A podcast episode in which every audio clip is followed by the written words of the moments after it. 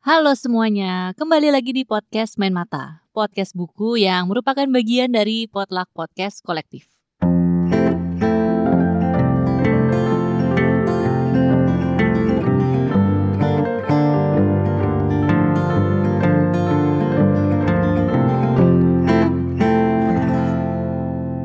Seperti biasa, mau ngingetin dulu, jangan lupa follow Potluck Podcast di Instagram biar kamu gak ketinggalan kalau kami ngadain program terbaru. Nah, bab ini tuh masih rangkaian dari obrolan Hestia Istiviani sama penulis Dian Purnomo.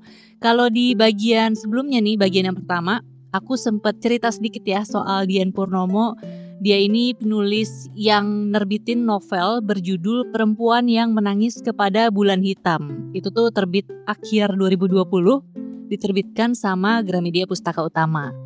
Dan udah sempet diceritain sama Hesti juga kalau kamu denger di bagian pertama. Hesti kan bilang ini bukunya bikin dia marah-marah banget gitu ya. Tapi kan kalau di bagian pertama masih ngobrolin soal penulisan lah sama Mbak Dian.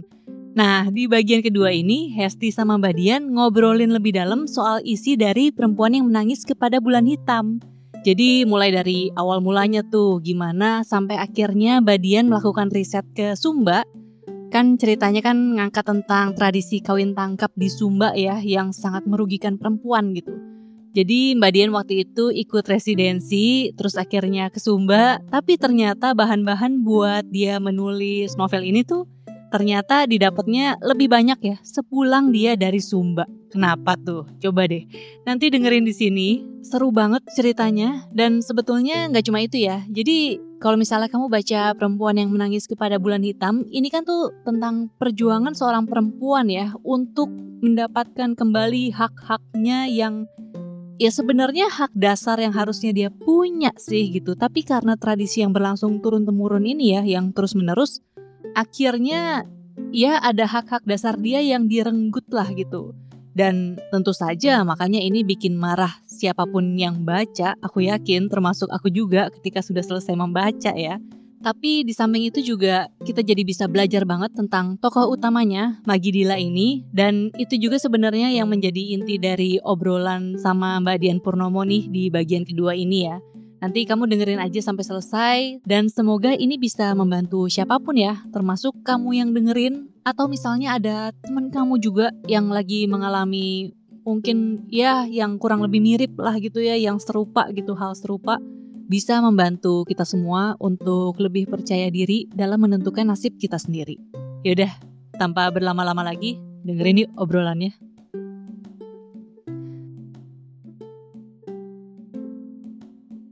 Nah, Mbak, kalau kita nih tadi udah uh, ngobrol-ngobrol sedikit soal uh, latar belakang menulisnya, Mbak, bagaimana Mbak Dian juga akhirnya bisa nyemplung 100% sekarang di dunia kepenulisan, aku pingin kepo lebih jauh dengan nih buku yang gila sih Mbak Dian tega banget bikin orang marah-marah ya Allah. Maafkan. nah, ini kalau aku baca di bagian tentang penulis di akhir dari novel ini ya di halaman terakhir hmm. katanya hmm. novel perempuan yang menangis kepada bulan hitam itu adalah novel yang dihasilkan setelah menerima residensi penulis Indonesia 2019. Yes. Kok bisa sih Mbak? Mbak ngapain? Apakah tadi uh, Mbak kirim-kirim tulisan atau gimana kok bisa sampai punya kesempatan itu? Nah, gini, abis ikut ke kelasnya Mbak Lela itu kan kemudian kita punya kelompok yang tidak pernah hilang tuh um, akan ada terus pokoknya kita kelompoknya supaya updating tulis menulis kita. Di antaranya ada Trinity. Trinity tuh kakak kelas oh. waktu waktu kuliah sebenarnya. Tapi zaman kuliah dulu saya nggak kenal, nggak nggak kenal banget banget sama Trinity karena dia sibuk main mulu kan, maksudnya traveling gitu. Iya iya. Nah terus ternyata kita satu kelas lagi di situ. Udah terus hmm. habis itu suatu hari di tahun 2018 yang ngirimin tuh link ke kita. Eh ada residensi nih pada ikutan ya gitu uh, ikutan tuh waktu itu tapi cita-cita saya kan cita-citanya salah gitu. Jadi nah ini nih berhati-hatilah dengan cita-cita dan keinginan uh. karena Tuhan juga nggak buta gitu ngasih kita sama Tuhan nggak Tuhan nggak akan ngasih sesuatu yang salah gitu buat kita. Cita-citanya adalah pengen ke Belanda gitu karena pengen nulis tentang Anne Frank gitu kan waktu itu. Oh. terus tapi saya nggak punya latar belakang sebenarnya kecuali bahwa saya sekolah uh, di kriminologi ambil perlindungan anak itu doang. Terus habis itu nggak dikasih lah sama Tuhan. Dan itu dapat tuh dia bilang eh gue dapet nih gue ke di Amerika Selatan lah pokoknya dia negara Hmm. apa gitu keren banget kan terus saya bilang oh aku ngerti nih kenapa nggak terima pertama nggak diterima pertama karena memang udah lama nggak nulis nggak ada track record nulisnya banget banget. Hmm. yang kedua emang nggak clear cita-citanya. Nah 2019 waktu ada lagi saya apply tuh. Kali ini nggak mau muluk-muluk saya emang cinta banget sama Sumba nggak perlu keluar negeri dan Indonesia tuh banyak banget yang bisa di cover gitu. Jadi niatnya bukan jalan-jalan, niatnya emang beneran pengen cover sebuah cerita, nulis riset yang serius di situ, gitu cita-citanya. Udah dan saya nggak berbekal pernah nulis apa pun kan karena emang waktu itu vakum agak lama nggak punya karya. Karya terakhir saya tahun 2015 sebenarnya. Oh, Heeh. oke. Tapi ya udah kata Tuhan kalau emang mungkin ya kalau emang lu niatnya bener ya gue kasih gitu kayaknya sih. Dapat aja 2019 kayak yang shock. Wow di Sumba satu setengah bulan. Wow pesta saya langsung happy banget gitu kayak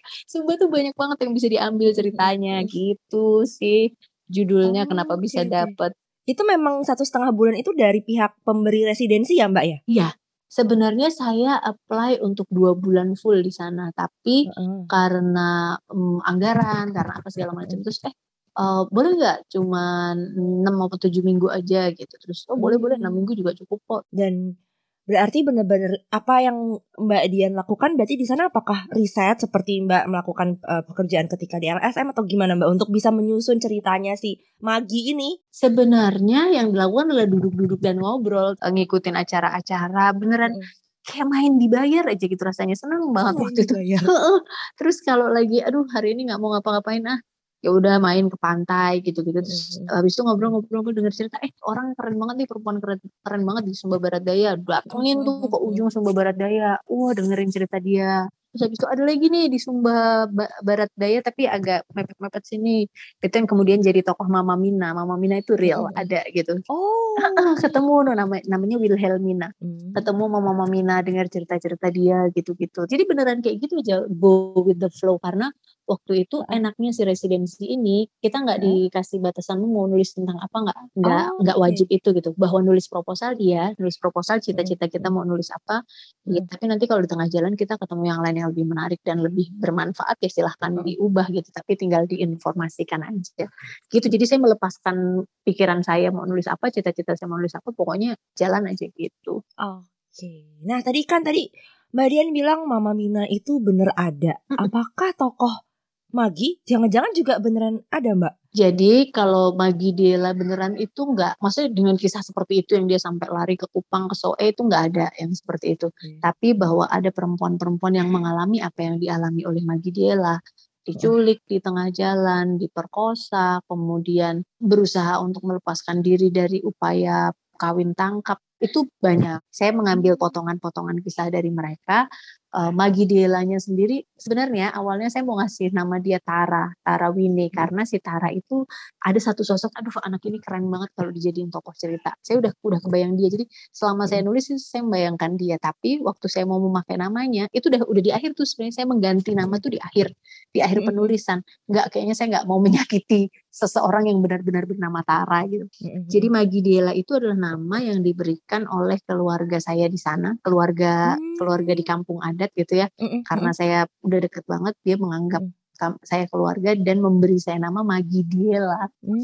Sebenarnya Magi Diala sebenarnya, tapi karena buat saya buat telinga saya susah diucapkan, jadi saya ganti jadi Magi Diela gitu sebetulnya. Dan apakah praktik itu Mbak ketika di Sumba lalu kemudian tadi ya eh, melakukan riset dengan cara ngobrol-ngobrol dengan penduduk setempat, apakah langsung memang terusik ketika mereka membahas soal kawin tangkap atau jangan-jangan perihal kawin tangkap itu baru Mbak Dian temukan setelah mungkin beberapa lama menggali gitu. Sebenarnya bahkan mereka nggak mau cerita tentang kawin tangkap itu. Jadi setiap kali ditanya selalu ya narasumber-narasumber di sana tuh selalu bilang udah nggak ada, oh udah apa bukan di sini apa segala macam. Jadi menghindar gitu loh. Itu sebenarnya bikin saya penasaran sih kenapa sih mereka nggak mau ngomong itu. Terus ketika ngomong sama dinas pariwisata, dinas pendidikan gitu, mereka selalu bilang gini, kenapa ibu tidak menulis saja tentang Pasola? Kenapa ibu tidak menulis saja tentang eh, kisah si raja siapa dan eh, latar belakangnya Pasola? Terus saya bilang saya nggak tertarik nulis itu gitu kayak kisah cinta itu so old school gitu buat saya gitu terus sayang banget saya didanai negara eh, pakai uang rakyat untuk itu gitu Iya, itu iya. sering justru bikin penasaran Uh, tapi memang selama di sana sebetulnya saya nggak dapat cerita tentang kawin tangkap. Oh, baru dapat ketika saya uh. pulang ke sini ternyata ada kejadian. Jadi hmm. dua minggu saya baru di sini terus ada kejadian itu ternyata. Nah itu hmm. yang sangat menyakiti dan merendahkan martabat saya sebagai hmm. Penggali informasi kayak gila satu setengah bulan di sana nggak dapat informasi ternyata masih ada kejadiannya. Malu banget nggak sih? Nah dari situ saya justru menggali informasi dan dapatnya uh, dari orang-orang yang beberapa orang yang waktu itu tidak saya pikir bisa memberikan informasi itu justru dapatnya dari situ. Jadi jarak jauh lewat WhatsApp, lewat telepon, uh, video call gitu-gitu, terus uh, baca-baca uh, naskah, uh, baca-baca berita. Wah, jadi total tadi satu setengah bulan yang kata Mbak Dian tidak mendapatkan informasi terkait uh, kawin tangkap, total kalau misalkan mau sampai uh, Mbak Dian selesai menulis tuh kira-kira berapa lama Mbak? Setahun? Dua tahun? Enggak, enggak sampai. Uh, saya pulang November, abis itu dapat hmm. cerita tentang kawin tangkap itu November akhir-akhir. Terus habis itu saya dari yang saya pikirkan nulis tentang konflik agraria, saya berubah pikiran langsung banting setir. Akhir Desember Hmm, tulisan itu udah saya submit sekitar wow. April, April Mei itu udah saya submit tulisannya. Oh. Jadi kayak cuma lima bulan kan sebenarnya. Mm -hmm. Tapi setelah itu uh, ketika akhirnya Gramedia Gramedia nerima juga mm. karena di, saya paksa, maksudnya saya paksa tuh karena uh, saya apply untuk Ubud Writers Festival supaya oh, bisa launching di sana bulan Oktober yeah. kan belum belum jadi dan belum dapat penerbit apa pun saya pokoknya gue punya naskah bagus ini harus launching di sana diterima sama Ubud Terus habis itu saya baru tuh ngepost media, Mbak mau diterima gak sih? Kalau nggak diterima aku ke penerbit lain ya, aku gitu. Terus tunggu sebentar, emang kenapa kata dia? Soalnya mau launching di Ubud, jadi nggak ada waktu.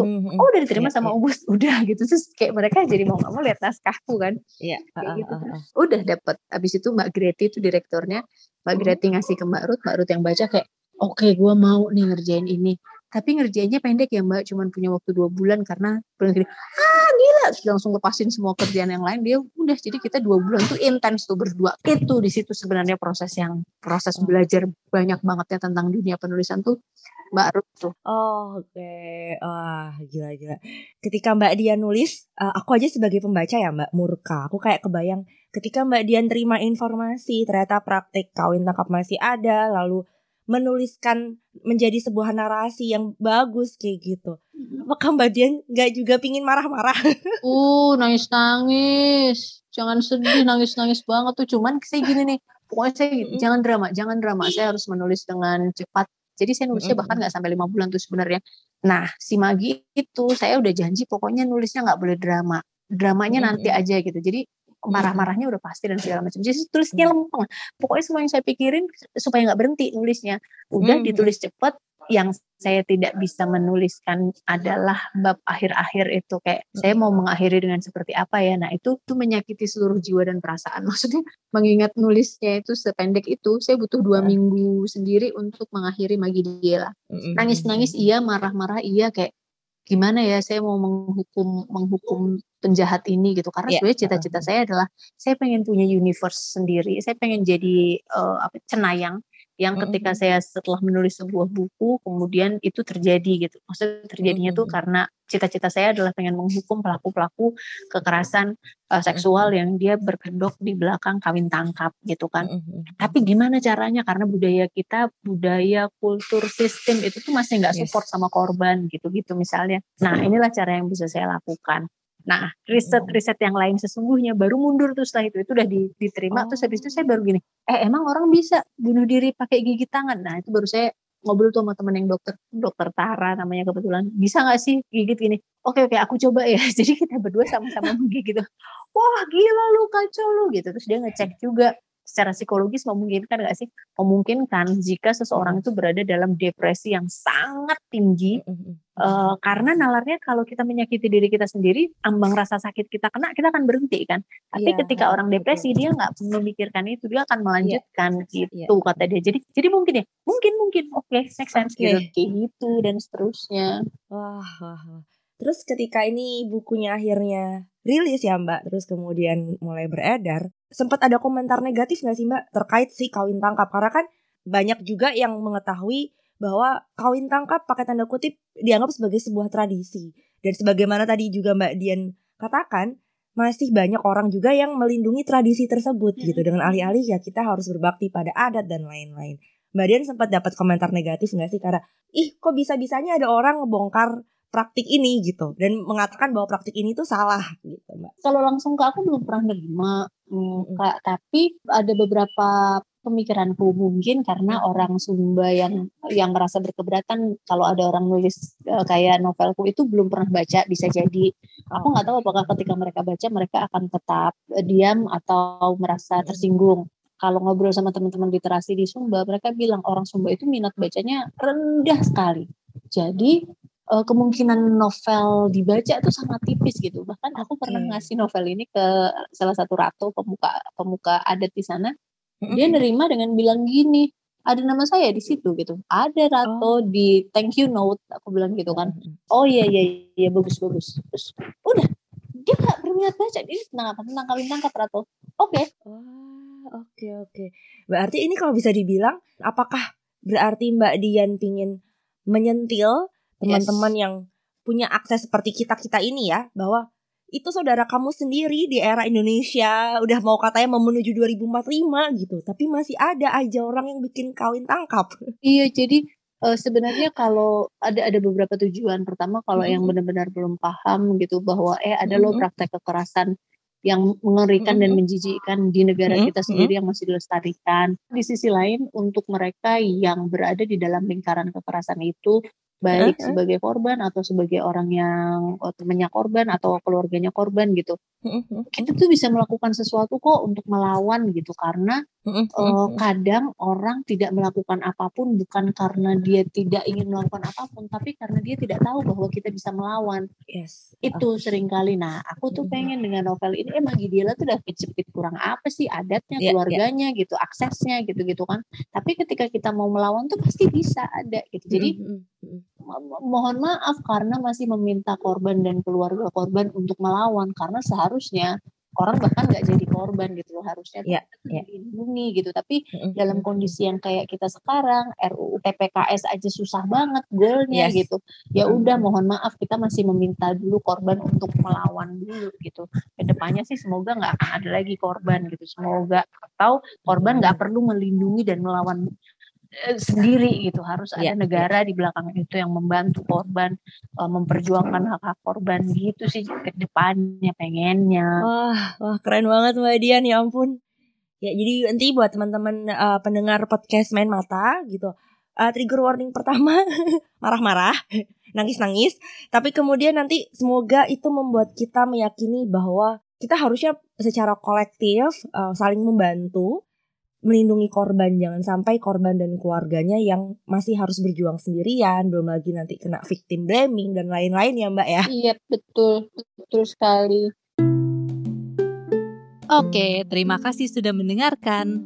Kalau misalnya kamu suka dengan obrolan ini seperti biasa, aku juga mau ngingetin jangan lupa untuk share obrolannya ya ke media sosial kamu biar teman-teman kamu yang siapa tahu nih lagi membutuhkan juga dan mungkin akan suka juga nih dengan buku Perempuan yang Menangis Kepada Bulan Hitam. Atau mungkin udah baca bukunya dan pengen kenal lebih deket gitu sama penulisnya ya Mbak Dian Purnomo juga bisa dengerin. Dan aku juga mau ngucapin terima kasih banget buat kamu semua nih yang udah ngasih rating podcast Main Mata di Spotify.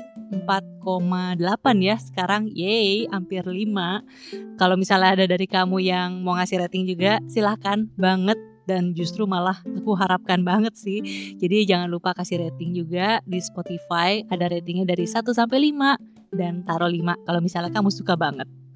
Terus juga dukung terus ya podcast Main Mata supaya bisa terus nyajiin obrolan-obrolan sama penulis dan orang-orang di dunia buku juga.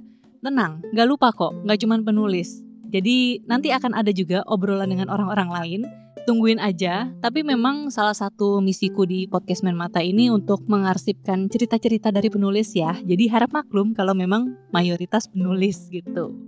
Dan tentunya ya aku juga makasih banget sama Hesti yang udah jadi host tamu nih sampai sejauh ini. Ini bagian kedua obrolan sama Mbak Dian Purnomo. Kalau misalnya kamu belum dengerin bagian pertamanya, nanti cari aja di podcast Men Mata di Spotify. Dan dengerin juga, jangan lupa ya bagian ketiganya karena kalau di situ nanti akan ngobrolin soal buku-buku atau bacaannya Mbak Dian. Oke, segitu dulu ya. Sampai jumpa lagi. Dadah.